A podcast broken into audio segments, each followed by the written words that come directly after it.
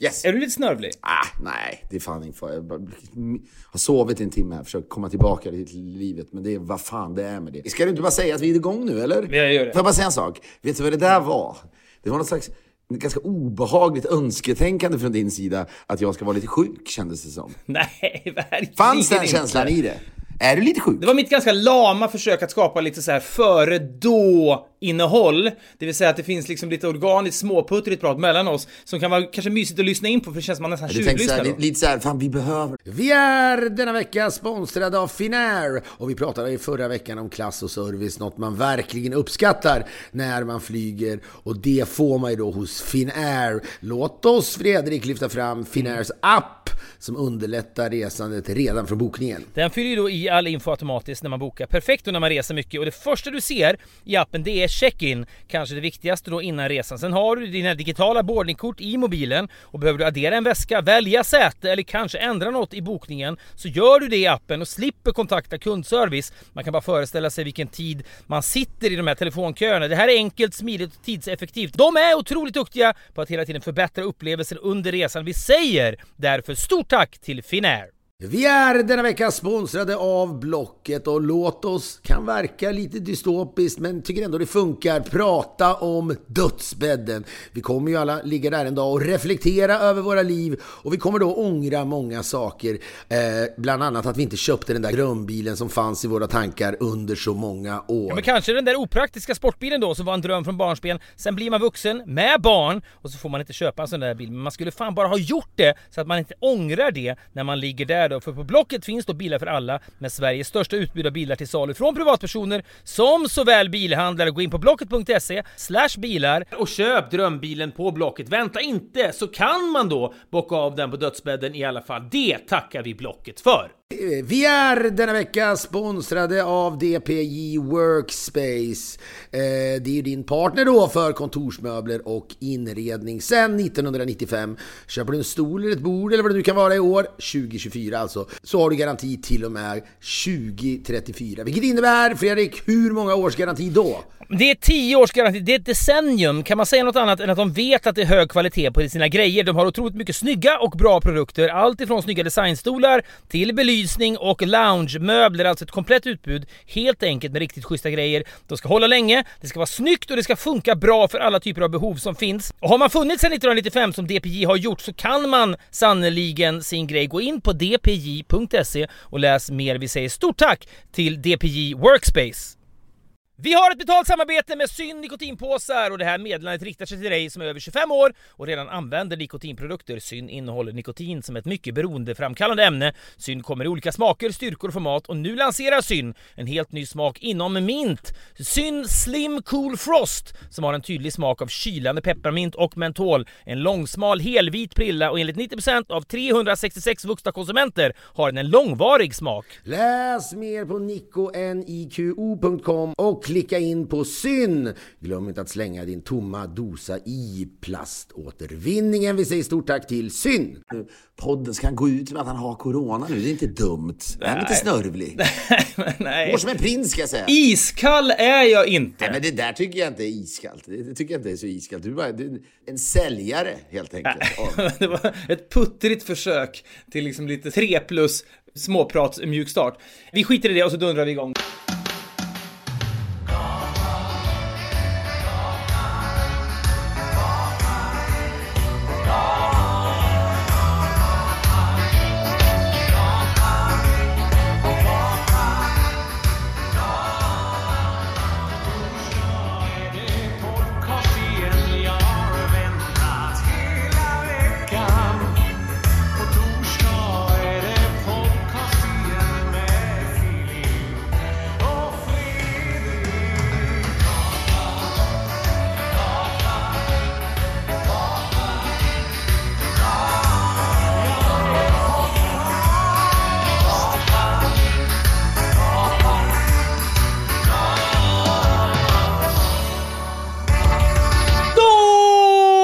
Välkomna till Filip och Fredriks podcast. Det finns mycket kul att prata om den här veckan, tror jag. Jag har alltså en fenomenal sak att berätta för dig tror jag. Jag tror att den är fenomenal. Du, du kommer att kunna ifrågasätta den kanske.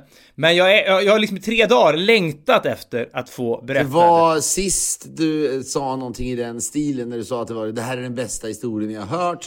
Och då handlade det om en historia om, om hur, Johan, Johan, eller hur Peter Wahlbeck mm. förstörde en jättedeal för eh, Johan, då entreprenören Johan Stall von Holstein. Ja, ja exakt. Det, det, ja, den var bra. Den var den bra. Var bra det, var det, inte var det här är inte lika anekdotiskt. Det här är lite, lite mer någonting som säger om det här stämmer så är det helt otroligt. Men vi kan återkomma till det lite senare för jag vet, jag, jag har, har hört... lite andra historier också. Jag kan, jag kan bjuda på vad det lider mm. här under kvällen som känns som också känns härliga. Men det är ju de facto så. Vi kan, det, det här är, det känns som att det är en jätteintroduktion vi nu ska göra. Men det är som mina föräldrar har ju varit här nu i ja, en evighet känns det som, men en väldigt positiv evighet. Men allting har ett slut, så är det. Och det handlar ju om visum och allt möjligt. Men nu ska då mina föräldrar åka hem i början av nästa vecka. Mm. Så det känns ju rimligt någonstans i och med att folk, folk som eventuellt tycker om det vi gör och, och då följer mig på, på Instagram exempelvis,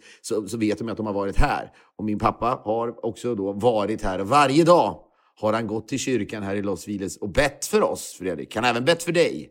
För att du, du inte ska drabbas av några sjukdomar. Har han verkligen gjort det? Har han bett för mig personligen? Vi, vi, kan, vi kan fråga honom här. Jag ska bara sätta i... Det kan bli ett litet avbrott här för nu ska jag då sätta i honom iPhone-lurarna här. Vi får se. Mm. Han har väldigt komplicerade hörselgångar.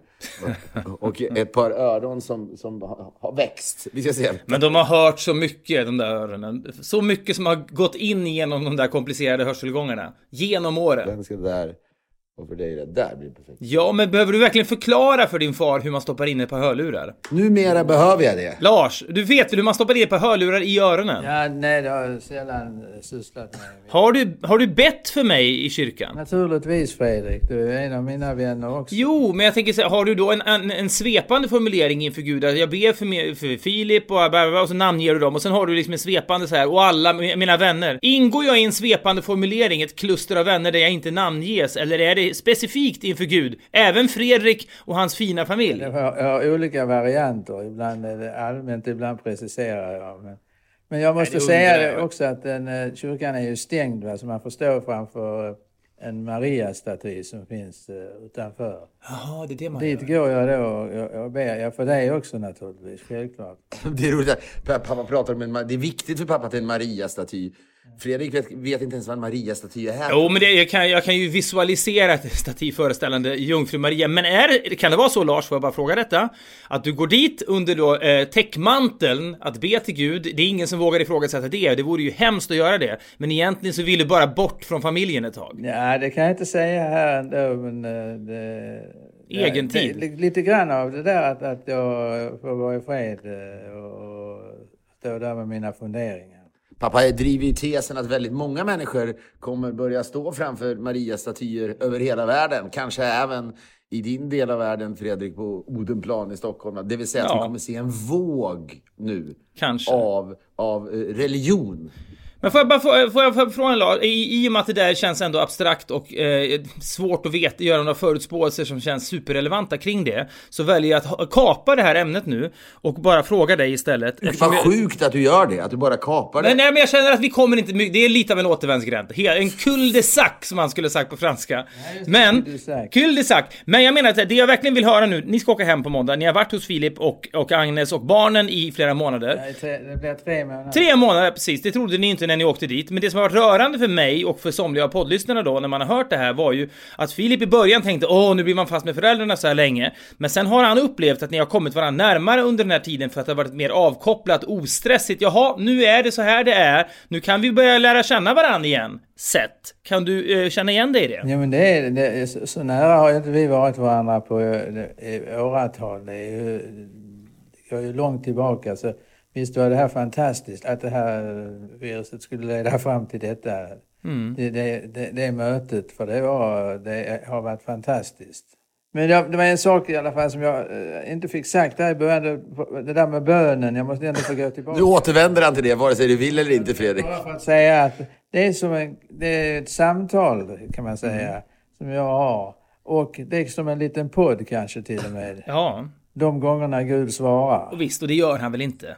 Alltid. Nej, nej. Lägger jag till. Men jag menar, så här, jag kan förstå det terapeutiska i att stå och samla tankarna för sig själv en stund och det kan vara förtröstansfullt och det kanske också är meditativt. Så jag, jag ifrågasätter inte alls den stundens liksom, relevans för dig. Jag, jag, kan verkligen se det framför mig. Du står vid den där statyn, du tittar upp på den och du, tänk, och du tänker på sakernas tillstånd. Jag tycker det är fint. Jag, jag skulle inte vilja vara utan det där. Alltså, det, jag, jag, sa, jag sa till Filip då i våra djupa samtal som vi då haft att när eh, på påsken, du vet när uppståndelsen inträffar, att kraften i denna uppståndelse skulle kunna bearbeta eh, oss alla eh, för att få riktig respekt för den här, det här viruset. Alltså. Hade det här varit ett tv-program nu så hade det stått så här alldeles strax kolon så hade det rullat en text längst ner. Då hade det stått Filip berättar om sin kompis som hade sex med en transperson i helgen. Ja, precis. Alldeles strax. Alldeles strax, kolon. Ta det lugnt. Jo, jo, ja. Vila i de här teologiska funderingarna. Det är ingen brådska. Filip kommer att berätta om transsex alldeles strax. Nej, men, men jag förstår. Jag har full respekt. Det här vet du, Lars. För din tro och för sättet du hanterar den, så att säga. Så att, har du det? Ja, du har det har jag. jag men bara för att jag inte delar den så kan jag faktiskt vara empatisk nog att se att det gör någonting för honom. Ja, whatever gets you through the night, verkligen. Får jag bara säga en sak? För det har varit mycket samtal här som sagt på kvällarna. Jag ska säga att pappa, han, jag märker att du pratar lite tystare bara för att det är kväll. Du, vi stör ju ingen. Nej, nej, men jag, jag, det är åldern som jag sätter in. Jag är ju lite tystare. Nej, vad fan. Det, det, här är, det är otroligt ändå.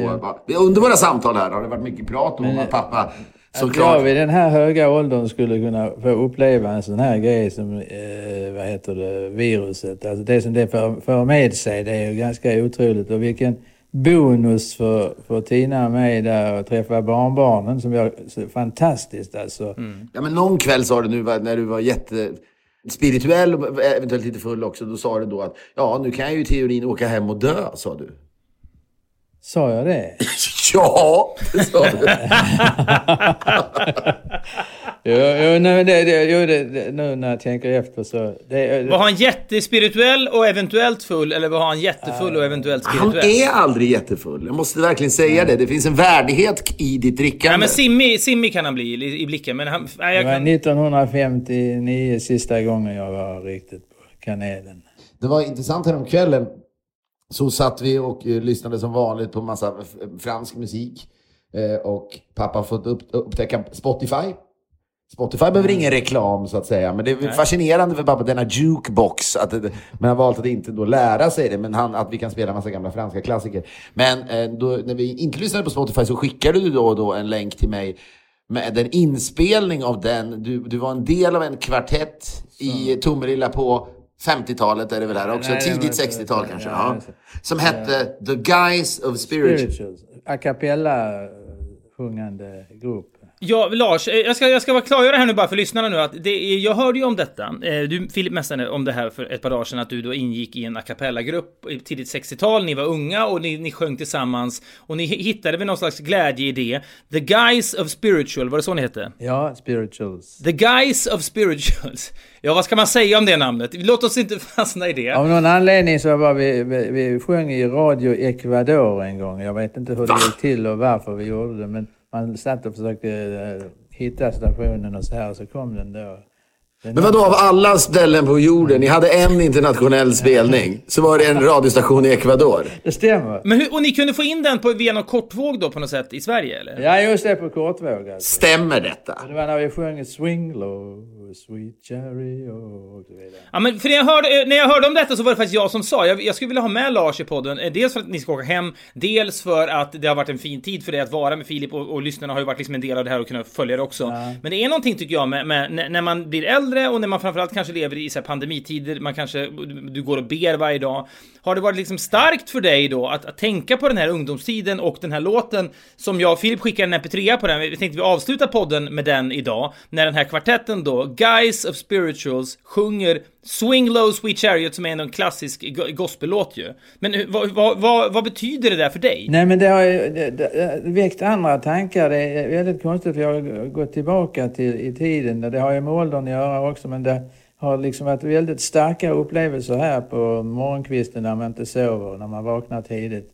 Och då, tankarna går tillbaka. Idag försökte jag räkna upp namnen på flickorna i min klass på gymnasiet. Men, eh, Kommer du ihåg några? Jag lyckades, ja. Det var två Gunilla. Som Fredriks mamma? Men vadå, kan du förnamn? Vadå, du sitter alltså på sängkanten. Det här är en bild av... Lena, Gunilla, Gunilla... men efternamnen hade gjort det mer imponerande. Det kan jag... Det skulle jag kunna på ett par stycken, men inte alla. Men det, det är en, en, en, vacker bild av eh, ett åldrande. Det känns som nästan Björn Runge kunde använda det i någon av sina kommande filmer. Mm. En man med, med, med, med egentligen lite då dödsångest och vidare sitter då Hans fru sover gott i sängen bredvid och så sitter du tyst på sängkanten och då och läser upp namnen högt för dig själv ja, på flickorna i din gymnasieklass. Ja, precis ja. och vad var syftet med det? Syftet, jag har ingen aning om det bara kom över mig plötsligt. Eh, och, och, eh, liksom jag började leta efter andra gamla kompisar och så här och hur det hade gått för dem. Jag måste ta chansen här och berätta att eh, när vi pratar om min ålder och jag är sån här som gnäller över åldern och så här. Så hade du ju en bra beskrivning på mig. För Fredrik han sa, du sa nämligen att när jag träffade dig sist Lars så var du lite krum. Lite kanske. Men det kan vara en form, formfråga Det tror jag är rätt. Jag tror det är jätterätt. Jag jo, men det har ju blivit en själv... Det är ju väldigt fel av Fredrik att säga det. För det blir ju då en självuppfyllande... Han sa det på ett kärleksfullt Jo, men man, det hade varit bättre om han sagt vad rakryggad du är. Man kan inte ljuga. Jag respekterar Lars för mycket. Kan, man kan, jag håller med dig. Man kan inte ljuga. Jag har varit med. Men jag tänkte just när den där, den där, det där adjektivet dök upp. Krum. Jo, men det gör ju att du sen kan sitta på kvällarna och Det är det som leder dig fram till att du försöker komma ihåg namnen på tjejerna som gick Men Lars, får jag bara nu då, eftersom eh, halva poängen med din medverkan, så lite atypiskt i podden, är ju att jag ville höra den här låten i slutet på avsnittet. Det är, man ska väl säga till folk att den här typen av kapella-sjungande då med då, folk som är skickliga på att sjunga då en viss, en stämma. Mm. Ja. Men det är väl The Real Group populariserade väl detta i Sverige tror jag. Ja, och kanske skulle somliga hävda att de bastardiserar också då. Jag vet inte. Det är någonting, det är a cappella-grupper är ju liksom det är fint och jag tror att det vi kommer att lyssna på i slutet på avsnittet idag kommer att vara rörande. Man tänker på de här liksom fyra unga männen med hela livet framför sig som spelas på Radio Ecuador. Ja. Det är någonting med det och ni sitter och lyssnar på detta och liksom allt verkar möjligt i den stunden. Det tycker jag är väldigt vackert. Men det, det var också jag som, jag var då skribent på Ystads Allehanda när vi eh, höll på att turnera på Österlen. Och jag skrev recensionerna själv. var du hyllande eller var du kritisk mot dig själv? Ja, jag, ibland fick jag lägga in lite kritiska Mannen grejer. på bariton ser lite krum ut. Just det. Det var absolut. Men får jag bara fråga en sak. Var ni någon gång på gång... Var ni ens nära att slå igenom? Ja, ja, vi hade... Lill-Babs hade en manager. Han ringde faktiskt upp oss och frågade om vi... Jag kommer inte ihåg hur historien gick sedan, men det var... Det var, det, det var vad, vad, vad hette Lill-Babs manager? Minns du det? Nej, det, det, det är det jag inte minns. Alltså, men jag minns så väl. Det är det pappa ska göra imorgon. Han ska sitta på sängkanten imorgon bitti och tänka, försöka komma på vad Lill-Babs manager heter. Vi är denna vecka sponsrade av våra vänner hos ATG. Och i helgen är det då dags för Elitloppet. Och med anledning av rådande omständigheter, vilka de omständigheterna är, behöver jag ju inte riktigt säga kanske.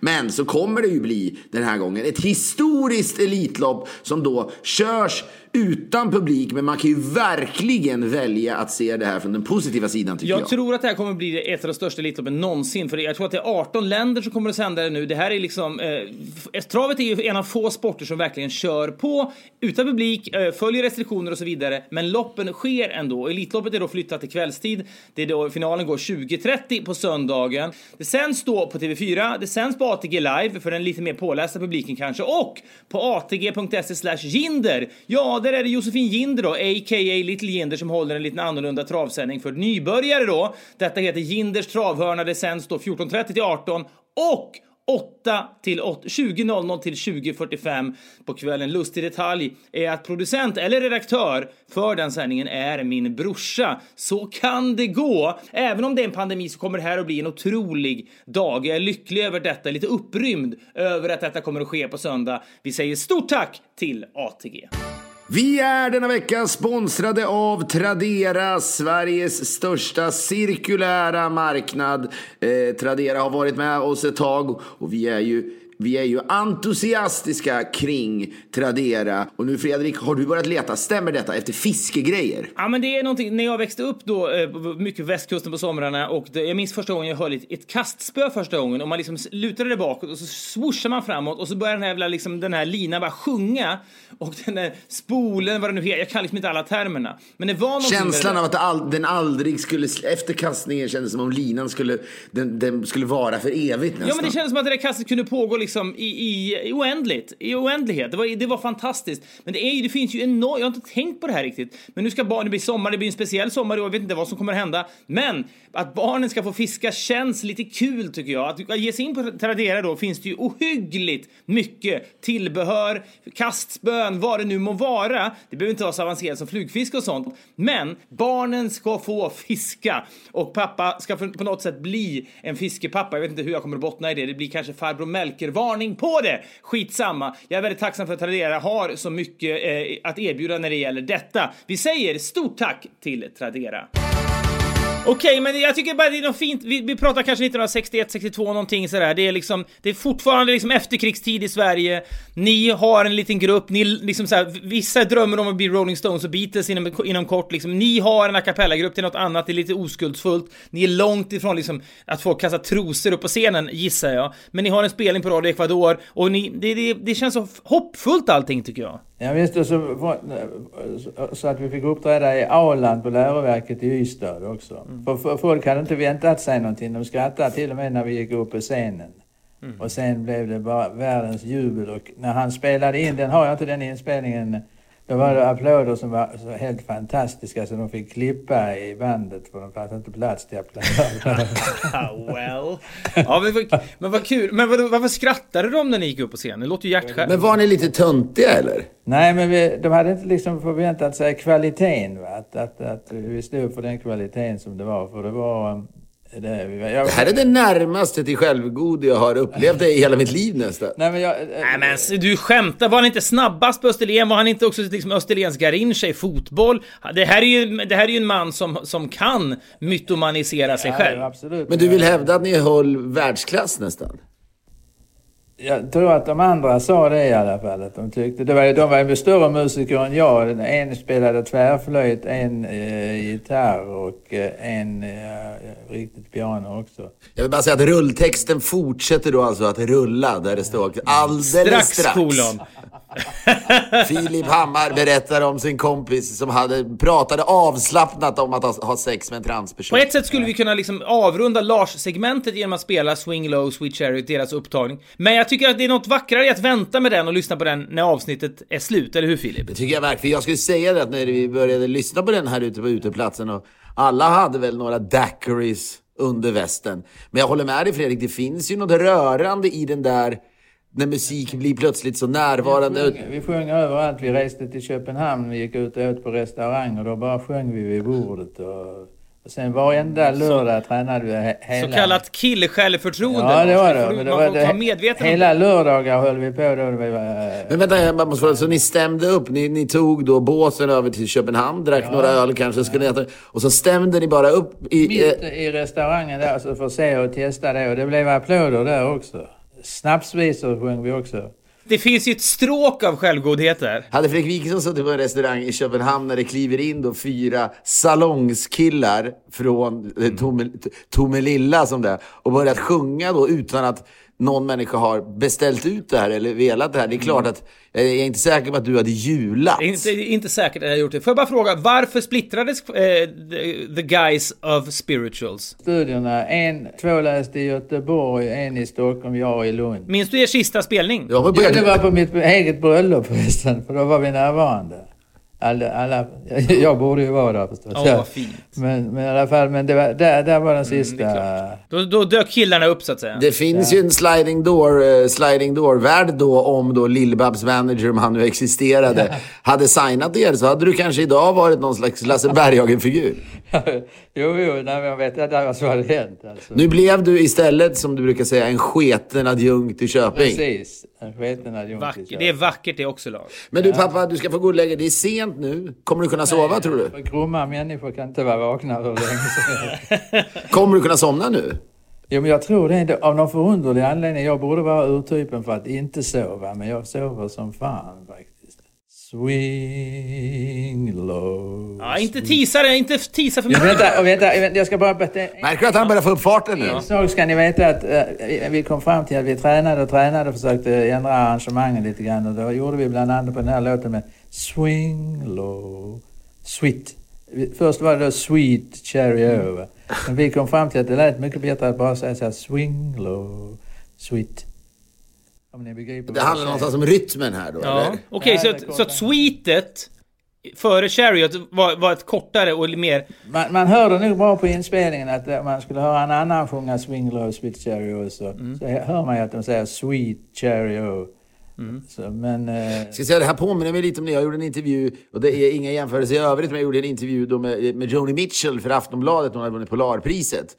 Och då ville då eh, Sigge Ennart, nöjeschefen där, liksom, ja, jag förstår att hon är svintrist, men försök få fram någon, någon liksom, låt henne prata om sin relation med Jackson Brown. Han slog väl henne, eller något i den stilen. Så- kvällstidningsvinkel. Ja. Ja, kvällstidningsvinkeln. Men istället så pratade hon bara om ackordföljder och så vidare. Och det, i intervjun blev då bara en så kallad en, en spalt. Bara, Ja, det var så kul, för liten. jag, jag hörde ju om detta. Du hade jag hade varit på Aftonbladet, så hörde jag det är en ung kille som har fått en intervju med Joni Mitchell. Jag tänkte helvete, vem är den här killen nu då? Eller ska han ta mitt jobb så att säga? För jag hade pausat Aftonbladet och var uppe och pluggade sista året på Journalisthögskolan. Och så tänkte jag, ska han komma och stjäla min Thunder nu? Och sen läser jag då dagen efter intervjun, jag tänker det här kommer bli ett helt uppslag med Joni Mitchell som minns liksom åren på vägarna och liksom så här kompiskapet med Leonard Cohen och vad blir det här? En episk berättelse. Då var det en spalt med rubriken Hallå där Joni Mitchell! Och så, som, som, och så slutar det med Vad önskar du mest av allt just nu? Det var liksom sinnebilden av en fragmentiserad bedrövligt kort kvällstidningsartikel. Vi kanske kan avsluta här med pappa med just den frågan som då blev en klassiker och alltjämt kanske är en klassiker i, i, i, i, då, i svensk mediehistoria, det vill säga när man gör de här korta intervjuerna med folk där man inte gör liksom en riktig intervju utan det är så kallad fråga-svar, där då som alltid inleds med “Hallå där” och sen någon fråga då om vad den här människan är aktuell med och så avslutas den då alltid med Till sist, vad önskar du dig mest av allt just nu? Så det kan vi fråga dig pappa, till sist, vad önskar du dig mest av allt just nu? att, jag, ah, att, att jag får vara med här på jorden. Åh, vad fint. Lars, det känns nästan känns fånigt nästan att, att fortsätta efter det. Ja, Prata, ja. det var väldigt fint. Ja, men det var kul att prata med dig Fredrik. du har, men du har många år kvar i dig Lars, du måste bara tro på det också. Och så lyssna noggrant på Swing Low Sweet. Inte, Ja. inte Sweet. Åh, alldeles strax kolon. Ja, den kommer. Tack pappa, gå och lägg dig nu. Ja, ja, Vi, vi Sov så gott Lars, så ses vi hemma i Sverige bra snart. Fredrik, hälsa familjen. Vi älskar dig. Alla som lyssnar tror jag jag kan skriva under på älskar dig. Äsch. Vi är denna vecka sponsrade av våra vänner och klädrevolutionärerna Asket. Och i deras värld och i vårad värld så är det en jävla trevlig dag imorgon den 29 maj då de släpper för första gången då ett plagg i den permanenta kollektionen på över ett halvår. Och det handlar då Fredrik om en så kallad overshirt. Ja, och det man ska säga vad gäller permanent kollektion, det är ju en del av Askets grej då. Varje plagg, varenda färg de gör måste avvägas försiktigt och mätas mot deras måttstock då, evig relevans. Inget plagg får gå ur tiden. Man, om någon säger bara fan, finns en skön grej i Tyskland nu som folk har på sig, in med den! Nej, men man avvaktar lite grann känner, är det här verkligen tidlöst? Och, och grejen med Asket är ju att det, det är kläder som man köper dem, man behöver inte förnya sin garderob hela tiden för de här plaggen är lika moderna nu som om några år. Asket har avvaktat den här trenden, gjort sin research och utvecklat overshirten efter detta. Och den kommer finnas i ett antal olika färger men bara då i 300 exemplar per färg. Så det är dags, det är hög tid då att den 29 maj gå in och köpa sin egen eh, overshirt. Eh, gå in på asket asket.com, A-S-K-E-T.com och signa upp då för nyhetsbrevet. Och så kan du även följa Asket på Instagram. Stort tack till Asket!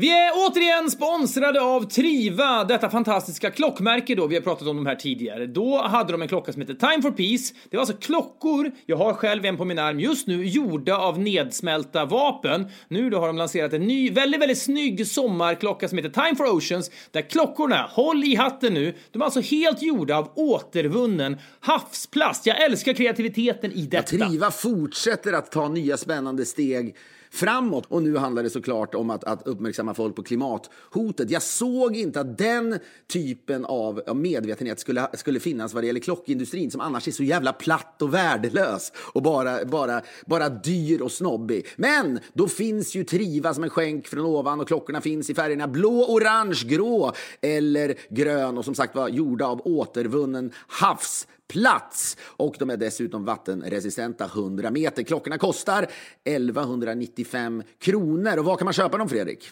Man köper dem på triva.com, T-R-I-W-A.com med koden Filip och Fredrik som ett ord. Filip och Fredrik får du 15% rabatt. Gå in där omedelbart. Vi säger stort tack till Triva.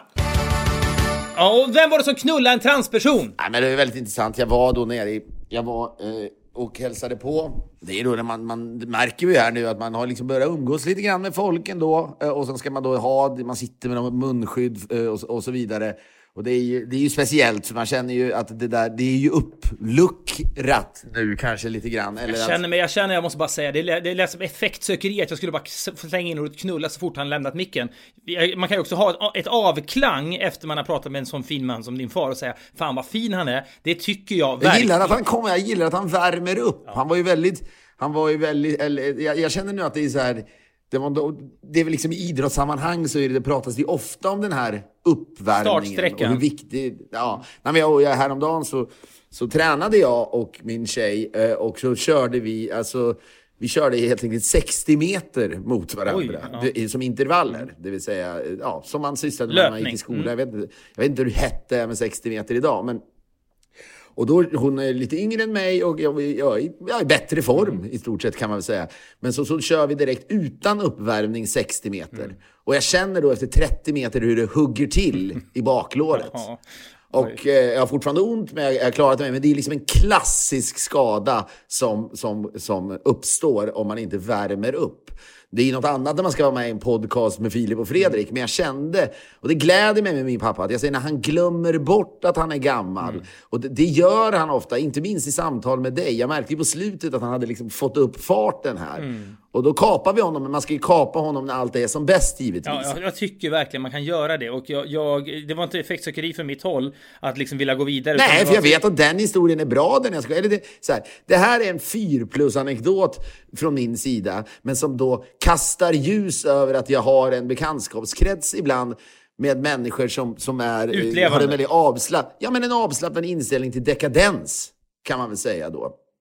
Och det här är ett par som jag då träffar. Och jag säger plötsligt så har man då börjat umgås lite grann. Inte umgås med någon jävel på hur länge som helst, men nu var vi i Santa Barbara och i Santa Barbara så har de då andra regler än i LA. Det där är också, kan jag tycka, är intressant. Det är som att det uppstår som små mini-Christianias här i Kalifornien. Santa Barbara känt för att eh, väl Oprah och Rob Lowe bodde. Ja, och Kirk Douglas bodde väl där. Och, och han är inte med oss längre, men det, han blev gammal. Han var med länge. På ja, men han är väl stans store son, så att säga. Att, att det är hans... Det, han är den fine mannen som bodde i Santa Barbara och eh, Michael Jackson bodde ju också runt hörnet, men det pratas det väl inte lika mycket om längre.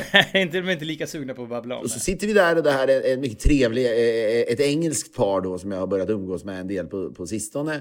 Och de, är, de har barn. Ska vi kalla dem i framtiden nu eftersom de, de kan dyka upp i framtida avsnitt också? Britterna är de helt De är britterna och de kommer, de är, kommer från väldigt, säger man burgna förhållanden? Säkert ja. Pengar? Ja, men pengar och familjer som är att betrakta som institutioner, du vet. Mm -hmm. Kända, där folk har varit, inte kända, men respektingivande namn sedan 800-talet, typ.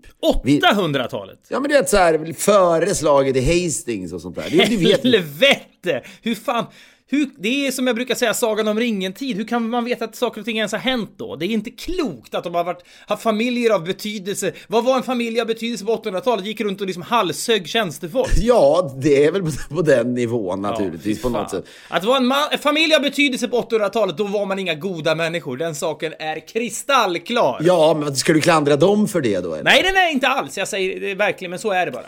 Ja, men de, de är lyckligt gifta då, har barn och så vidare och, och, och det var, de, de är alltid jämt lyckligt eh, gifta då, men har väl en ganska avslappnad inställning till det här med sex exempelvis. Och då berättar de att de här, eh, ja, innan pandemin bröt ut, ska sägas. Mm. Men då satt, var de ute och åt middag i, i London tillsammans. De hade eh, tagit in barnvakt och så vidare. Det är inte svårt för dem att ta in barnvakt. De ställer sällan frågan, vi får se om vi kommer, det kan vara lite svårt att få tag på barnvakt. D där finns det möjlighet att bara köpa in. Ja, men vad fan. Ni, många har, alltså jag, absolut, jag vet att folk absolut inte har råd med barnvakt, men jag vet inte om det, det känns som att du nu ska pissa på dem för att de har varit betydelserika för att familjen har varit betydelsefull sedan 800-talet. Nej, men det de går miste om är ju den här eminenta ursäkten man har som småbarnsförälder i Sverige. Så här, äh, du vet, vi får inte tag på barnen. Vi kan inte komma till en middag man kanske inte vill gå på. De kan ju inte använda den ursäkten, för de kan alltid få tag på barnvakt. Men så är det. Det finns ju ofta ett nätverk. Som, som, ett nätverk. Det har funnits ett nätverk sedan 800-talet. 800-talet. ja, verkligen. Ja, men så pratar de om att de har varit ute och ätit middag och, så, och blivit ja, berusade som alla andra. Jag tror, och även att de kan titta ner i andra påsar och så vidare. Det är dunderkokainister Nej, absolut. Verkligen inte dunder. Det är också det du tror bara för att, har, bara för att familjen har varit känd sedan 800-talet. Lever man i familjer och dynastier som är kända sedan 800-talet, ja då är man dunderkokainister. Dunder är ett smeknamn för kokain. Hade, när, när, de gift, när de gifte sig så hade de i ett av hotellrummen, och detta fick alla information av direkt, det stod det två ryssar och sålde droger i ett rum. Så man kom bara in och frågade vad vill ni ha då för någonting och så vidare. Och så fanns det då ryssar som hade på plats för att det inte skulle vara besvärligt då när man gifter sig på kanske på landsbygden. Få tag på grejer så fanns de där helt enkelt som supplier. Ja, det var väldigt många då i 80-årsåldern som körde både Molly och Cola och så vidare. Molly så, är då någon slags ecstasy, eller hur? Ja, ja MDMA, MDMA eller vad fan det nu är. Ja, jag är, är inte helt bevandrad i det där, ska sägas.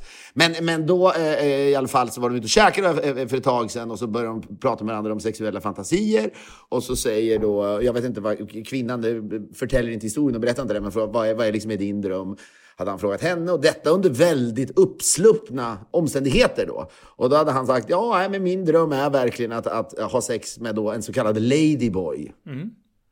Och eh, då befinner de sig i London och det är en stad som där, där där, tillgänglighet är ju ett ord man, man, kan applicera på London som stad. Är man en familj som är känd sedan 800-talet, då, då ligger världen ligger där för ens fötter. Det är bara att beställa. Det är bara att beställa hem en Ladyboy då. Ja, och då visar det sig att det finns någon då sexklubb i Mayfair. Och Mayfair är väl ett av de absolut finaste områden. Där bor ju bara folk vars familjer har varit inflytelserika sedan 800-talet, så att säga. Det är väl någonstans där Harrods ligger och så vidare. Men då säger hon, men herregud älskling, ska du inte gå ner ikväll nu och ha sex med en ladyboy? Eh, pra nu pratar vi liksom inte någon slags Paolo Roberto-lägenheter, utan det här är då klubbar. Jag visste att man skulle säga det där, men jag vet inte om det är någon slags halvgrå zon så att säga. Men jag tror inte det, utan det är en, en uppsluppen sexklubb då. Det var inte bordell enligt dem. Och, och, och, ja, jag vet inte. Det, är det så att så här, ja, om det nu finns en Paolo Roberto-dimension, förlorar då den här historien, anekdoten, sitt, sitt, sitt underhållningsvärde? Ja, det skulle det nu göra, men känslan... Den kanske förlorar lite av den uppsluppna känslan, men vi kan ju välja att tro att det här är en sexklubb dit folk går bara för att ligga med varandra. Ja, men jag tror att det var, det var väl en, det är någon slags swingersklubb. Det är en swingersklubb där även singlar ja. är, är, är, är välkomna. Det är ju ofta det, det, är en typ av restriktion som ofta finns i swingersvärlden. Att det är väldigt, alltid tydligt utskrivet, liksom yt. Istället för att det står håll distansen så är det så obs, inga singlar. är ju väldigt Nej, men det kan man verkligen förstå. Men det måste ju vara, hända att singlar parar ihop sig själva. Det kanske finns förmedlingar på nätet. Jag är singel, men jag vill gå på swingersklubb. Är det någon annan som kan vara singel med mig så kan vi låtsas vara ett par. Ja, du knäckte koden direkt. Så är det ju givetvis. Men då går de dit i alla fall, till den här klubben. Och där finns Man då... och fru Britt helt enkelt. Då. Ja, och går då, där, så finns det en ladyboy och då säger hon varsågod. Kolla om, om, om den här personen är intresserad av att, att, att uh, ha sex med dig. Och det ville då Får jag bara fråga då, en ladyboy, är det då oftast en kvinna som har blivit opererat om sig till man eller tvärtom? Nej, i det här fallet, för det här är ju ett gytter och då ska man då eventuellt kritiseras för att man inte riktigt äh, sluta har koll på det här. Men som i det här fallet, den här ladyboyen hade då i alla fall, och jag, jag tror att det är fallet, har en, har en penis. Ja, och då betalar och hon var väldigt upp, uppsluppen. Men är det då en boy som har då ätit kanske liksom massa östrogen och sånt och fått lite tuttar och liksom, men, men är liksom, ja. Brukar du säga tuttar? Ja men snälla. Vad, förstår du vad jag menar? Är det alltså en pojke ja. som har utvecklat kvinnliga drag? Det, är, alltså, det här förtäljer inte heller historien, men det är... Det gör också historien mer, mer bekymmerslös om man slutar säga pojke och säger man istället. Jo, men nu heter du Ladyboy då i det här sammanhanget. Jag vet, Ja, men, de det är, också, pratade- det och det var- är ja. besvärligt att det är boy. Men hon berättade då att hon var väldigt, hon var liksom väldigt eh, uppsluppen kring det här, gick och satte sig vid baren och tog en drink. Mm. Och vad jag, hon berättade till och med att hon tog en så kallad Mai Tai. Som jag inte kan så mycket om mer än att jag vet att det är Pontus Gårdingers favoritdrink. Ja, vad kul. Ja. Men de sätter sig där, ja, och så går han iväg och sen så ska de då ha sex. Får jag bara säga kort om Pontus Gårdinger att jag spelade golf med honom i helgen. Och han på hål nummer ett får iväg ett dunderutslag. Bollen ligger 150 meter från flaggan. Sen sänker han den rakt i hål därifrån. Det känns så jävla Pontus Gårdinger. Att stå i ett par turkosa manchesterbyxor, någon liten mössa på sniskan och sänka ett slag från 150 meter på hål 1. Det var en otrolig Men bild. precis, men hans liv är ju, det är ju en mix av så att säga den där typen av händelser. Men också, jag lyssnade på intervjun med honom i eh, Emil Perssons förnämliga fördomspodd. Där pratade han ju också väldigt mycket, det var liksom, ett, ett, ett tema var liksom, hur ska man åldras som Pontus Gårdinger? När man ser så bra ut. Och, och, liksom, hur, kul- och jag är så mycket så, säga, snyggare än majoriteten av alla andra män som är 55 år i Sverige. Mm. Vad händer då i ett åldrande då? Det var, jag tycker det var starkt på många sätt och Ja, men. Pontus liv är ju en berg och dalbana givetvis emotionellt och på massa olika sätt. Men, men det var någonting, är det någon man känner som ska lyckas med ett sånt där slag så är det han. Och sen bara rycker han på axlarna och vi andra står bara helt, vi helt slagna som av en blixt. Bara, Hur fan gjorde du det där? Ja, det, det, gick, det gick visst rakt i bara. Vad är det för jävla liv du lever? Det känns som att du spelar paddeltennis och golfar som om det inte... Det, det känns bekymmerslöst. Ja, men Filip, det är sommar i Sverige, det var helg, vad ska vi göra? Vad ska man göra med sin tid? Då ska man sitta här bara? Barnen är Det, utflugna. det, är det, jag har, gjort. det är det jag har gjort. Men det var därför då jag behövde den här middagen där bland annat de här människorna då eh, eh, ingick. Vilket är roligt att historien berättas då med ansiktsmask på.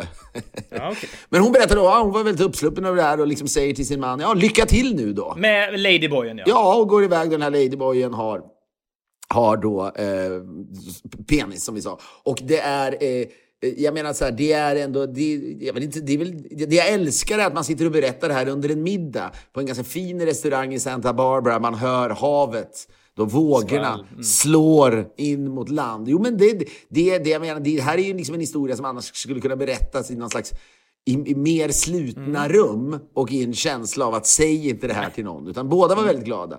Ja, men så gick han in och så, sa han, det- så hade de börjat då fondle with each other. Och eh, ganska snabbt hade det hade det lett då till eh, avsugningar från båda hållen. Då, va? Och då sa han, nej jag måste säga så här, att jag uppskattade verkligen inte att, äh, att äh, suga kuk. Tyckte, då." det var det första gången den här mannen då sög kuk? Ja, och han sa att jag kan verkligen, jag kan inte förstå hur människor kan tycka att det är kul och härligt att suga kuk, så att säga. Vare sig det är män som suger kuk eller kvinnor. Eh, men sen berättade han då att avslutelsen hade de haft sex och där sa han också, ja det var väl, han använde inte ordet 3 plus, för det är ju mer, det är, ju- du och jag använder ju sånt. Men jag förstod att han tyckte att det ungefär var 3 plus. So, so säger man på engelska. Ja, både att bli då knullad och att knulla. Men sen berättade han då att avslutningen, sa han då, var det skönaste han har varit med om i hela sitt liv. Och vet, ja, vissa kan ju uppfatta det här som att vem fan är Filip Ham? Vad är han för grabb? Eller grabb? vet inte. Vem är Varför tycker han det är så spännande med en sån här historia? Men jag skiter i det just nu. Inte minst eftersom vi hade in pappa här under ett ganska långt segment som jag, jag kände på mig att du uppfattade som lite i, periodvis lite långsamt. Nej, det var mysigt bara. Ja, det, jag hoppas vid gud också att David Mer, vår klippare, har tajtat det utav bara helvete. Periodvis tyckte du att det var lite långsamt. Kan du tillstå det? Ja. Ja, precis. Och därför kanske jag då känner, inget effektsökeri, men berätta någonting som kan put a smile on your face. Ja, men jag sitter redan och ler. Vad, när man det, har alltså varit då, det har varit oralt sex och så har det varit kanske även då analt sex mellan de här Ja, två. men du, du måste förstå bara känslan av att vi sitter där ett gäng, äter en middag, vi är lite uppklädda. Och som jag säger, det här är en historia som man kanske skulle ligga lite lågt Ja, med. men jag förstår eventuellt. verkligen. Men det har varit då oralt sex från båda håll och analt sex från båda håll. Ja, precis. Och som jag säger, att det, att det här är då, det man också gillar till de, Det kanske är så att i familjer som har varit inflytelserika sedan 800-talet, de, jag, jag ska inte vara för eh, generaliserande, men jag tror att liksom dekadens har varit ett, ett, ett, liksom, ett naturligt inslag i, i familjens eh, eh, liv i generationer. På något sätt. Tveklöst. Man har tillgång till allt, så hur, max, hur, hur, hur tar vi det här vidare då? Vi kan vara med om allt, vi kan köpa allt. Ja, och då måste vi ta det här ett steg till. Ja, men då har det de som sagt var, avsugningar är avklarat, knullandet är avklarat och så då känner han ändå, fan det här var inte så jävla härligt som jag trodde att det skulle vara. Och sen föreslår då Ladyboyen på slutet en så kallad dick sandwich, hade han kallat det. Och då hade han då så att säga, på, på, liksom greppat min kompis kuk då och satt den jämte hans kuk. Så det blir liksom, man, man, han höll i båda kukarna. Mm. Och sen hade han då drängt kukarna i lube, glidmedel. Och så hade han då runkat dem med liksom båda kukarna mot varandra. Tills de kom. Okej, någon slags tvåhandsfattning då? Alltså händerna Ja, omsluter- na, eller snarare, jag tror det, det uppfattar jag inte, men det kan det nog ha varit, det har du nog rätt i. Men kukarna ligger så att säga dikt an. Men li- no pun intended. Men, men, det är otrolig, otrolig ordvits. Dikt an, fast det stavas D-I-C-K-E-D. Ja, Och som han sa, our cocks were flush, som man väl säger i sådana här, i, alltså, eh, så, så, is that thing gonna be flush? Ja, Du vet att de ligger mot, en matta kan ligga flush to the wall. Ah, okej. Ja. Men får jag bara fråga, en sista detalj bara. Är då så att säga spetsa, är, är rötterna på penisarna bredvid varandra eller är de liksom så, är de, är de, eh, är det mötande trafik så att säga? Nej, nej, nej, nej. Det, för det, det du pratar om där är ju då någon slags dockningssituation. Nej, jag- nej, för de kan ju ligga, de kan ju ligga dikt an, men liksom den ena... Nej, nej, men de, de ligger parallellt då, eller vad säger man? Vertikalt. Är det men, hur, hur, hur, hur positionerar man sig ens för att kunna lyckas med det? Tänker? Kroppen borde vara i Jag vägen. tror då att, jag tror att Ladyboyen så att säga sätter sig över honom Ah. och sen då på något sätt Då i, i gränsle. Ja, precis. Ja, ja, men, men, men någon slags reverse cowgirl-situation så att båda penisarna pekar framåt så att säga. Ja, precis. Ja. Och sen då, det som han sa, soaked our cocks with lube. Ja. Bra språk hade den här killen också. det är naturligtvis. verkligen. Frun Ja, och sen sitter och skrattar bredvid. Ja, och så i alla fall... sitter och skrattar. Ja, ja, barnen är hemma och tittar på liksom Moana. Ja, säkerligen. Det så här, de tittar på Saltkråkan där hemma. Samtidigt inte en Ja. susning om att, om att pappa nu upplever en dick sandwich. Dikt an. Okej, så och där, och där Ja. då tar Ladyboyen... Och så, så runkade de, han då den här dubbelrunken så att Mm. säga. Och han sa då I came more than I've, more than I've come in my entire life. Sa han efteråt. Och, att den här, och där pratar han liksom som en rekommendation till alla män då blir det ju i det här fallet att ska få uppleva en dick sandwich. Men att den här historien då, som i sig, ja, den är ju spektakulär på något sätt. För vissa är det väl inte det, för vissa är det ju en del av vardagen. De kanske säkerligen. ägnar sig åt dick sandwiches eh, varenda helg då naturligtvis. Men omständigheterna, det vill säga, vågorna slår in mot, mot stranden, vi är i Santa Barbara och båda berättar att de efter det kände sig, de var så lyckliga när de kom hem till barnen som hade då somnat i soffan och bar dem in i sängen så att säga. Pappa går och spritar av händerna lite extra noga i köket. Såklart, såklart. Men jag tyckte ändå att det var en historia som kanske piggade upp så här i, i eh, poddtider på något Jag tycker sätt. verkligen att den eh, kändes också härlig och pandemifri på något sätt. Den utspelar sig ju pre-corona då givetvis, men det är något... Ja, men det är ju precis, och det kan man ju tänka sig att i, i, i, i dagens värld, the new normal, som är ett av mina absoluta Ja, hatfraser just nu. Folk mår så bra när de säger the new normal. Det är nå- någonting tycker så, att de- som att folk har insett något vi andra inte har insett. Nej, jag vet. De tycker att jag, jag besitter ett, ett vokabulär som antyder att jag är mer insiktsfull än vad ni Det andra var en annan människa som var med, och det här var en kort, men som, som slog mig verkligen, som är, som är DJ då, till yrket. Mm. Och, och inte någon av de liksom, stora DJserna här i världen. Men sa, I'm completely fucked. Sa han. Och det är jävligt intressant ändå. Jag tänkte på det, det finns ju många yrken såklart. Och bara att vara fotbollsspelare eller att syssla med idrott överlag kan vara komplicerat. Men man får väl utöva sina idrotter då utan publik. Men han sa, it's gonna be 10 years before we're back on track. Alltså det, det, dels har ju nattklubbarna inga pengar och det är nog något av det sista de öppnar, så att säga, svettiga nattklubbar och hyr in DJs för dyra pengar. Det är, det är en bransch som, som, som, som verkligen måste, vad är det man säger, gå på, vad är uttrycket? Man Och- går på knäna. Gå på knäna. Men får jag bara säga en bransch som inte gör det och som bara leder oss in sömlöst på det jag ville berätta för dig som jag tycker är häpnadsväckande och... och Bästa saken du har sagt i flera år i podden. Ah, det vet jag inte riktigt, men det, det har verkligen någonting. Men en bransch som går väldigt bra är ju då tv-spelsbranschen förstås. Folk sitter hemma och det har ju varit en enorm boom i, i detta på sistone. Och jag träffar då i veckan en man som jobbar på ett företag som heter Activision. Vi är denna vecka sponsrade av våra vänner på Folksam. Många känner ju till Folksam som eh, försäkringsbolag, men inte lika många känner till att de även då kan hjälpa oss med eh, att spara pengar, ett långsiktigt och hållbart sparande. Ja, men Folksam har ju varit med oss länge nu och det vi genomgående har pratat om är ju att det är viktigt att tänka långsiktigt. Jag vet att det inte är sexigt och att det inte är så liksom så här. Alla triggers i kroppen säger ju gör av med grejer nu, få belöning nu. Men det finns finns något långvarigt tillfredsställande i att spara för framtiden då när man går i pension eller då för att ha en ekonomisk trygghet framåt. Folksam erbjuder då inte bara bra sparande med garantibelopp där man oavsett vad som händer alltid får 80% av det sparade kapitalet. Men de finns ju också då tillgängliga för rådgivning om man undrar någonting. Många tycker att det här är krångligt, det är superrimligt, men det viktiga är att ta första steget då och börja. Gå in på folksam.se slash pensionssparande. Då kan man testa sig själv då och räkna i Folksams räknesnurra. Hur mycket pengar blir det om man börjar spara redan idag? Vi säger stort tack till Folksam! Vi är denna vecka sponsrade av Fodora som ju alltid finns där för dig. I de här tiderna så är det gött tycker jag på massa olika sätt att stötta restaurangbranschen. Dels då för att det är gött, man får god mat hem. Jag tycker att det är väldigt tråkigt att laga mat, tidsödande är det. Och då är det gött på ett annat sätt också, det är ju att man då stöttar restaurangerna som har det knackigt just nu. Det är liksom en win-win situation av guds nåde. Ja, men också som vi har sagt tidigare att på restauranger eh, och även då i barer, och i många restauranger finns det i barer, där där har du och jag och där har många andra levt större delen av sitt liv. Det är en plats där de kanske mest romantiserade minnena liksom utspelar sig. Ja, exakt så. Och man får hem gott käk. Jag beställde bara för två dagar sedan från en restaurang i Stockholm som heter Brisket. Det bara lassades på med liksom så creamed corn och det var pulled pork. Plötsligt fick man hem grejer jag aldrig skulle komma på tanken att laga själv och så har man det bara på köksbordet och får känna sig som ett jävla geni. Ladda ner appen Fodora och beställ det du är sugen på. Är du ny kund och inte använt Fodora eller online-pizza tidigare, då får du 75 kronor i rabatt på din första beställning om du anger koden Filip och Fredrik. Filip och Fredrik ett ord. Denna kod är giltig till och med 6 juni 2020. Vi säger stort tack till Fodora. Vet du vad Activision är för någonting? Nej. Activision är då ett tv-spelsföretag då som har funnits i USA i massa år.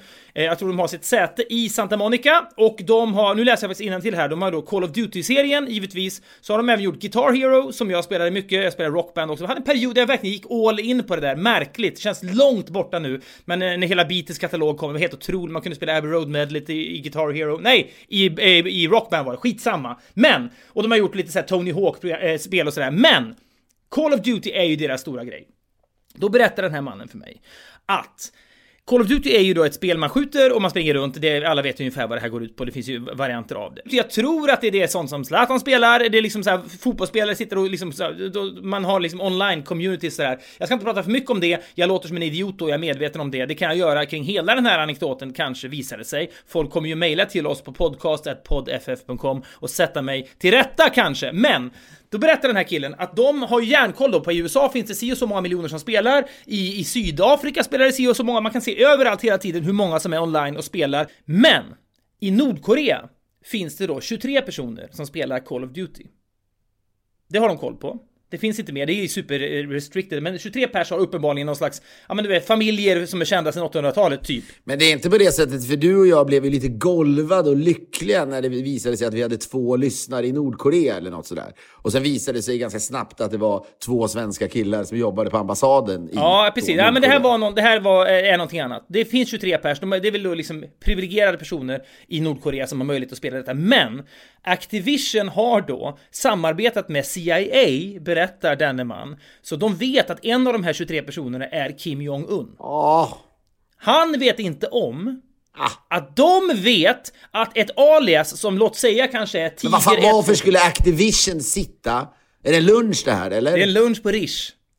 Att skulle de berätta att de skulle han berätta då, han måste ju få sparken imorgon den här människan då. Ja, det är det som jag är lite orolig för kanske. Och det är klart att om jag och du och våra poddlyssnare vet om detta, det vill säga att CIA har koll på Kim Jong-Uns whereabouts tack vare att de har knäckt vilket namn han har i Call of Duty. Så de, nej, anledningen till att Trump var så säker på att Kim Jong-Un levde när det var snack om att han var död för några veckor sedan, det var att de har, nej men han sitter och spelar Call of Duty, han lever, han mår skitbra. Det ser vi på våra servrar. Det är ju lite, vet, vet du Fredrik, det du, det du levererar nu är ju en nyhet som nästan skulle kunna nå till New York Times. Ja, det är ju det, men så här, har du kollat med den här killen på Activision om du får berätta det här? Ja. Ja, men, han, måste väl ha något jävla omdöme om han berättade för mig? Ja, det är sant, för han sa, sa han till dig, det här får du inte sprida till någon. Nej, det gjorde han verkligen inte. Nej, nej men då är det ju lugnt. Då, kan du, då är du ju fri att säga vad du vill. Ja, men för, håll med om så här. visst, om jag vet detta, då finns det ju en risk att Kim Jong-Un vet detta. Nej, men jag menar, historien jag håller med dig, jag älskar historien för att den är den är väldigt kontemporär på något Ja. sätt. Den placerar oss i, i, eh, i den nya världen. Så att säga. Vi, pratade för några veckor, ja, men vi pratade för några veckor sedan om Pelikanfallet som vi tyckte båda är en väldigt bra film. Och den är ju då, eh, då en, en politisk thriller som utspelar sig i i Washington och med du vet, förgreningar till oljeindustrin. Men ganska traditionell. Men folk letar ju fortfarande bevis på liksom, bibliotek på den tiden Ja. så att säga. Julia Roberts, flitig student, sitter och läser i, i gamla pärmar på något, då, eh, på något bibliotek. Men det här är ju en modern Pelikanfall. Ja, men nästan. jag följer ju då slaviskt på SVT Play tv-serien Falsk identitet som jag tror heter Le Bureau på franska. Det är en fransk serie. Mina föräldrar plöjde precis hela den serien här. Ja, men visst, och den är ju otrolig verkligen. Pappa är väldigt fascinerad annars, det hade vi inte frågat om. Han har sett nästan sju säsonger Mad Men. Ja, vad kul. Ja, hans... Men så sa han, men det är samlag i nästan var och varannan scen. Okej. Det, min, min kompis berättade för övrigt, min kompis dejtade John Hamm då nyligen. Och var på Mm. efterfest hos John Hamm. Och så satt man i hans hus, han bor ju här i kvarteret. Och att då var det eh, att, ah, ah, ah, att hon då fick sitta, då drack de ur Mad Men-muggar under dejten. Okej. är det mörkt? Ja, det är lite mörkt att han, att han klingar fast vid det så jävla hårt. Det är kanske. definitivt mörkare än en Dick Sandwich. Ja. Och så att säga, och, och man även så att säga, epilogen på The Dick Sandwich Anecdote, att man liksom bär upp barnen till sängen. Spritad och klar. Ja, men... Eh, jag bara säga, det är lätt att tro, jag minns ju att du berättade om när, när dina föräldrar som då söp något otroligt under lite yngre år då, kan, nu kanske lite lugnare, men under deras semestrar i Grebbestad. De var ju så att säga inga förebilder i, i, i den här andan av att man aldrig ska vara full inför sina barn. Ja, men det är det som jag, jag, jag har så oproblematisk relation till alkohol och barn, mina barn, eftersom jag då såg mina föräldrar faktiskt fulla 31 dagar i rad kanske under, under juli månad eh, i Grebbestad. Och de var, det var inget konstigt med det alls. Nej, det var liksom, precis. Men du berä- men kan De se fram emot när du jämt. var lite yngre då? Yngre då så bars du säkert upp till någon säng, något loft Ja, någonstans verkligen. där. Och det är lätt att tänka sig att det är smutsigare om man precis har varit med om det. det är så här, din farsa spritade ju inte av handen innan han gick upp och, och bar dig till, så här, innan det skedde Nej. då.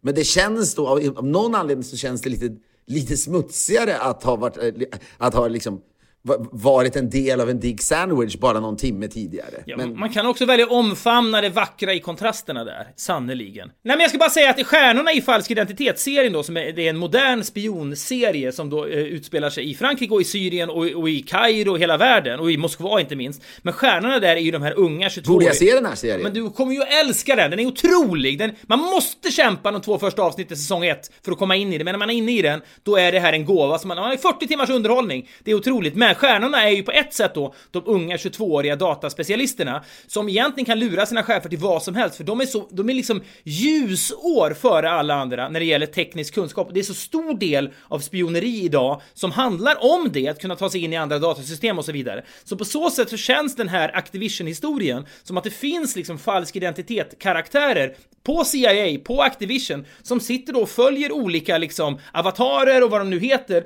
inom Call of Duty, så vet de, ja men nu håller Kim Jong-Un på att spela det och han är på så jävla bra humör. Han kanske inte sitter och pratar och identifierar sig som detta givetvis. Han är en anonym kille som sitter och spelar på nätet och de har koll på honom genom det och han vet inte om Och det. killen som berättar det här för dig, han har inget jobb när helgen börjar. Jag vet inte, det, det är någonting. Kan det vara så att det här har liksom redan liksom avslöjats, att Kim Jong-Un vet om detta redan, därför kan Activision-killen berätta det för mig? Jag vet inte. Ja, alltså det här, så här som jag säger, det du levererar är en potent, tycker jag, nyhet. Det, det här nyheten skulle kunna bli omskriven över ett uppslag i New York Times om en vecka ju, och det är inte min... Inte uppslag tror jag. Du vet, det är sällan de gör Nej, det, uppslag de om grejer. det är en broadsheet också, stor tidning va? Så att, men, och, och, åtminstone liksom en, en hallå där-spalt. Hallå där, Nej, killen på Activision inte. som har fått Mycket sparken. mer. Vad önskar du mest My- av allt just nu? mycket- Mycket, mycket Ja, mer skulle det kunna vara ändå. Ja, men för det är intressant, för man, det man vet och man har hört är ju att så här, CIA då samarbetar med Facebook och de samarbetar med eh, Apple och vad det kan vara. Och att det alltid är väldigt, att, att, så att, säga, att Facebook då åtminstone vill hävda för att framstå som ett bra bolag att nej, nej, nej, nej, nej, vi släpper inte ut några som helst uppgifter. Och det var väl även då när CIA någon gång, eller om det var FBI, men ville, ville liksom att Apple skulle hjälpa dem att kunna hacka någon telefon och sånt där. Och då, även de, där det liksom ledde väl liksom till högsta domstolen att nej, Apple ska absolut inte behöva eh, hjälpa till med det här, för börjar vi tumma på de där grejerna, ja då faller så att säga hela konstruktionen ihop mm. och vi led, lever då i ett helt nytt samhälle där ett, ett, liksom ett datoriserat, digitaliserat samhälle där staten alltid kan ha rätt att, så att säga, komma in i din mailbox. Ja, övervaka. Om man nu ska uttrycka ja. Men det som också då kanske är lite uppseendeväckande här är då alltså att Activision samarbetar med CIA på det sättet. Det gör ju egentligen, det kan ju då leda till en debatt det här Fredrik, där folk som är Call of Duty-representanter på riktigt, sådana som spelar det ofta, det kanske finns folk som tävlar i sånt här Gud, också, ja. vad vet jag. Ja, att de säger nu vägrar vi jobba med... Alltså det, det, du säger, skulle det kunna i, i princip döda hela Activision som bolag, eller? är det det jag har briserat ut här? Jag vet inte. Det är klart att det är, att, att det är problematiskt, men jag tror att det finns också en dimension hos Call of Duty-spelare så att de kan tycka att det är lite coolt att, de, att CIA har koll på just Kim Jong-Un. Och, att, och så kanske man väljer att hoppas och tro att de skiter i resten av alla miljoner Call of Duty-spelare i världen, men att de kan noggrant följa hans aktivitet i Call of Duty. Och det är ju någonting oerhört... Tänk... Men det är för jag minns, jag läste Zlatans hyllade eh, biografi där. Jag tror att det var någon historia, eller så var det i någon annan sammanhang jag läste. Den, men jag tror jag ändå eh, läste den där. Att, vad heter det, eh, någon, det kanske inte är Call of Duty då, men Zlatan hade väl träffat någon han spelade mot någon. Mm. Är det så man gör? Och ja. sen så, så, bestämde de här två människorna träff sen på typ Hotell Anglais. Ja, precis så var det. Jag tror att han blev polare med någon i något liknande Call of Duty-spel och blev polare med den killen som jag tror var klockförsäljare, eller så köpte han bara en klocka av honom. Jag vet inte, men jag tror att vänskaper föds givetvis i de där eh, rummen. Rolls Royce-versionen av det där är ju att man möter då Kim Jong-Un. Ja i den här världen. Då. Ja, verkligen. Men, men det är så, en oerhört kittlande tanke att det sitter liksom 22-åringar på CIA, Activision samarbetar och så kan de liksom speja och kanske till och med garva åt hur dålig eller bra Kim Jong-Un är i, på Call. Fråga den, den som fascinerar mig mest är ju mannen som berättar det här för dig. Vi ska inte gå in på vem han är och vad han heter, men Pratade han lite tystare när han berättade det här? Jag skulle dig? säga att stämningen var precis som den var under er middag i Santa Barbara. Man sitter på Rish, det sårlas, krog-Stockholm börjar vakna till liv igen, folk håller avstånd, det var liksom inget omdöme. Det är inte en enda ansiktsmask så långt ögat nej, når. Nej, det var det verkligen inte. Men det, det var sårligt, uppsluppet och liksom en känsla Och han berättar det här till dig och han säger absolut inte att du inte får sprida det. Nej, precis. Nej, det är väldigt viktigt menar jag. Det är viktigt för dig. Jag är orolig för din skull så att säga nästan. Men, ja, men nu har jag ju sagt det här. Nu, jag vet ingenting mer än jag vet, men jag är orolig för din skull också i den här världen. En så att säga svans på den här historien. På samma sätt, eller epilogen då på samma sätt som när då mannen som precis har upplevt en dick sandwich spritar händerna och lyfter upp sina barn till sängen och, och ger barnet en puss på pannan så att säga efteråt det är, svansen här, eller epilogen då, är ju att du skulle kunna bli av, dödad helt ja, men jag, tror, det är för, jag har ju redan berättat det här nu. Det kän, då får de döda alla poddlyssnare också. Det känns ohållbart. Ja, du är liksom en deep throat som inte är en deep throat. Att jag är källan i Watergate-skandalen. Nej, precis. Jag är bara en, jag är liksom en throat bara. Men känslan är om han nu sitter och, och skrävlar om det här så är det ju nästan som att han tigger om att du ska berätta om det i podcasten. så, ska, så skulle jag inte uttrycka mig. Det kan också ha varit så att det var en person som berättade detta för mig som känner någon på Activision. Nu börjar Activision går in och kollar vem, de kollar en massa kalendrar, går in i alla anställdas mail och kollar vem var det som käkade lunch på Fredrik Wikingsson på ja, Rish. Det kan också varit så att, det kan också varit så att jag känner en person som känner någon på Activision. Var så att säga bordet bokat i ditt namn? Här bokas det inga bord. Här går man in och säger med ett brett leende, har du ett bord för två? Okej, så, men du sa ju att den här människan jobbade på Activision. Du, nu sa du att det inte är någon som kände någon som jobbar på Activision. Ja, men jag lägger ju till det i slutet för att gardera mig här nu, för att gardera mig och för att göra den här historien lite liksom lugnare och lite mindre laddad då. Att det kanske inte var... Ja, det, det, det, det som är bra också, det som gläder mig är att det är ny... Eller, jag vet inte om du har tänkt samma sak som jag har tänkt att det här är en världsnyhet. Jag vet inte om du har någon nyhetsnäsa som det kallades. Men det är självklart. Det här, jag ser ju så här, på riktigt, om det är så här och en reporter skulle få reda på det och kunna vidimera det till 100% på exempelvis New York Times, Washington Post, då skulle det bli en världsnyhet. Då skulle, men det är det som är så spännande. Svenska journalister kan ju höra av sig till dig Fredrik, om folk mejlar på podcast.poddff Ja, men jag kan inte uppge min källa. Jag kan inte se, jag kan, nu måste jag... Nej, du kan inte uppge källan givetvis, Nej. men du kan ju kanske på något sätt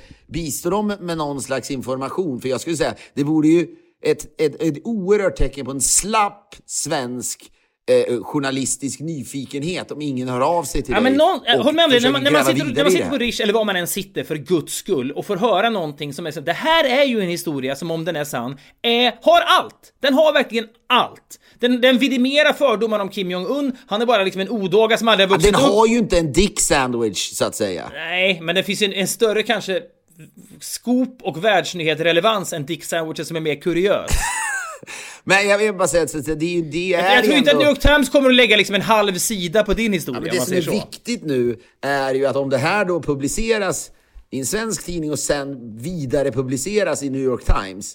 Man vill ju då, folk har blivit allt mer generösa med det där att, att det refererar till källan. Det var ju när du och jag Mm. jobbade på tidning också, att man, så här, man gjorde så kallade rewrites, man skrev en nyhet och publicerades i en annan tidning och så skrev Mm. man den då i, i vårt fall i Aftonbladet. Så skulle man då alltid säga uppger tidningen Expressen, och Expressen, så vidare. ja. Ja. Men tidigare så var det ju alltid så snack, alltså, placera det så långt ner som möjligt i texten så att känslan är att det är vår nyhet. Var ju väldigt viktigt. Och jag vill ju då att plötsligt blir Filip och Fredriks podcast lite nyhetsbärande. Äntligen, efter tio år. Jag påminner mig om att nästa vecka är ju exakt då på dagen tio år sedan vi la ut det första avsnittet. Vi har fått jättemycket trevliga tips, vi har tittat på dem. Men vi har liksom inte hunnit ta tag i detta riktigt. Så jag, jag känner, den kommer nog inte bli så speciell. Jag vet, det kan också vara så att det, det den här podcasten ska vara är att det är ett bra jävla roligt avsnitt som läggs ut och så är det inte mycket Jag mer. tycker också, jag måste säga att idag hade vi kul. Jag tycker det är en fin blandning av en långsam pappa Mm. som varvar upp, hårt nedklippt av vår klippare David ner på ditt initiativ, Mm. som sen glider över i en då kuriös och promiskuös historia från London eh, och då berättad av en, av en person som en del av en familj sedan 800-talet. Och sen avslutar vi den här podden med en en, så att säga, en nyhetsbomb Mm. av New York Times-kaliber. Det är ganska bra, det är en märklig underhållning, men det är bra underhållning skulle jag vilja Jag kan påstå. ändå känna det att vi har ju också en fin grej kvar, det vill säga att vi ska lyssna på din pappas kvartett och en upptagning från tidigt 60-tal. Men det här, det här är vad den här podcasten ska vara, exakt den där mixen. Hastigt och lustigt ihopkommet, ihopkokat, utan recept innan. Man improviserar, man får se var man hamnar någonstans. Eh, jag tycker som så att vi Jag tackar känner mig väldigt lycklig ska jag säga. Jag var lite småsåsig här eftersom det är sent i LA och så vidare. Men jag är lycklig över att jag har den här podcasten och jag ska be pappa imorgon då att be för podden. Jag ska också be honom be för dig så att du inte hamnar i massa skit då när den här mannen som då kanske har ett, kanske ett skuldberg, människan som jobbar på Activision men som alltså måste gå hem till sin fru då fredag kväll. Han har varit och handlat lite grann, de ska ha mys och sen jag fick sparken idag. Nej, usch, så, så, så får Vi kommer inte behöva sälja huset älskling. Sluta nu. Det här, hörni, är vi tacksamma för att vi får göra en gång i veckan. Tacksamma för att ni är med oss. Många av er, flera av er har ju varit med i tio jävla år. Det är ta mig fan svindlande, den tanken. Nu ska vi spola tillbaka bandet och hela våra sinnen till tidigt 60-tal. Det är fyra unga, hoppfulla män. Livet ligger framför dem. De har spelat in en egen version av den amerikanska gospelklassikern Swing Low Sweet som din pappa säger, Chariot, eller 'Chario' som han säger med något slags franskt uttal, jag vet inte exakt hur det uttalas. Den här låten alltså, inspelad av dem, mirakulöst nog, Kanske, om vi väljer att tro Lars Hammar, spelad på Radio Ecuador. Jag kan se de här fyra männen framför sig, de kanske bara är 20-21 år. De sitter hukade runt en radio, de tror inte det är sant, men det är deras röster, ingenting annat, som spelas i den där transistorradiosändaren. Livet ligger framför dem. I andra änden av Call of Duty hittar man ju kortvågsradio. Så är att det säga. verkligen. Och här sitter de allihopa. När jag sluter mina ögon kan jag nästan se dem framför mig. En av dem är Lars Hammar. Det är vackert tycker jag. Här är The Guys of Spirituals. Vi hörs igen om en vecka. Hej då! Swing low, sweet chariot,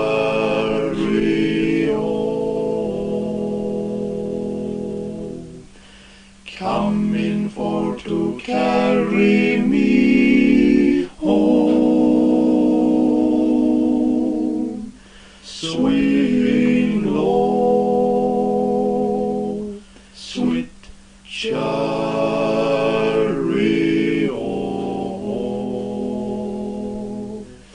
coming for to carry me home.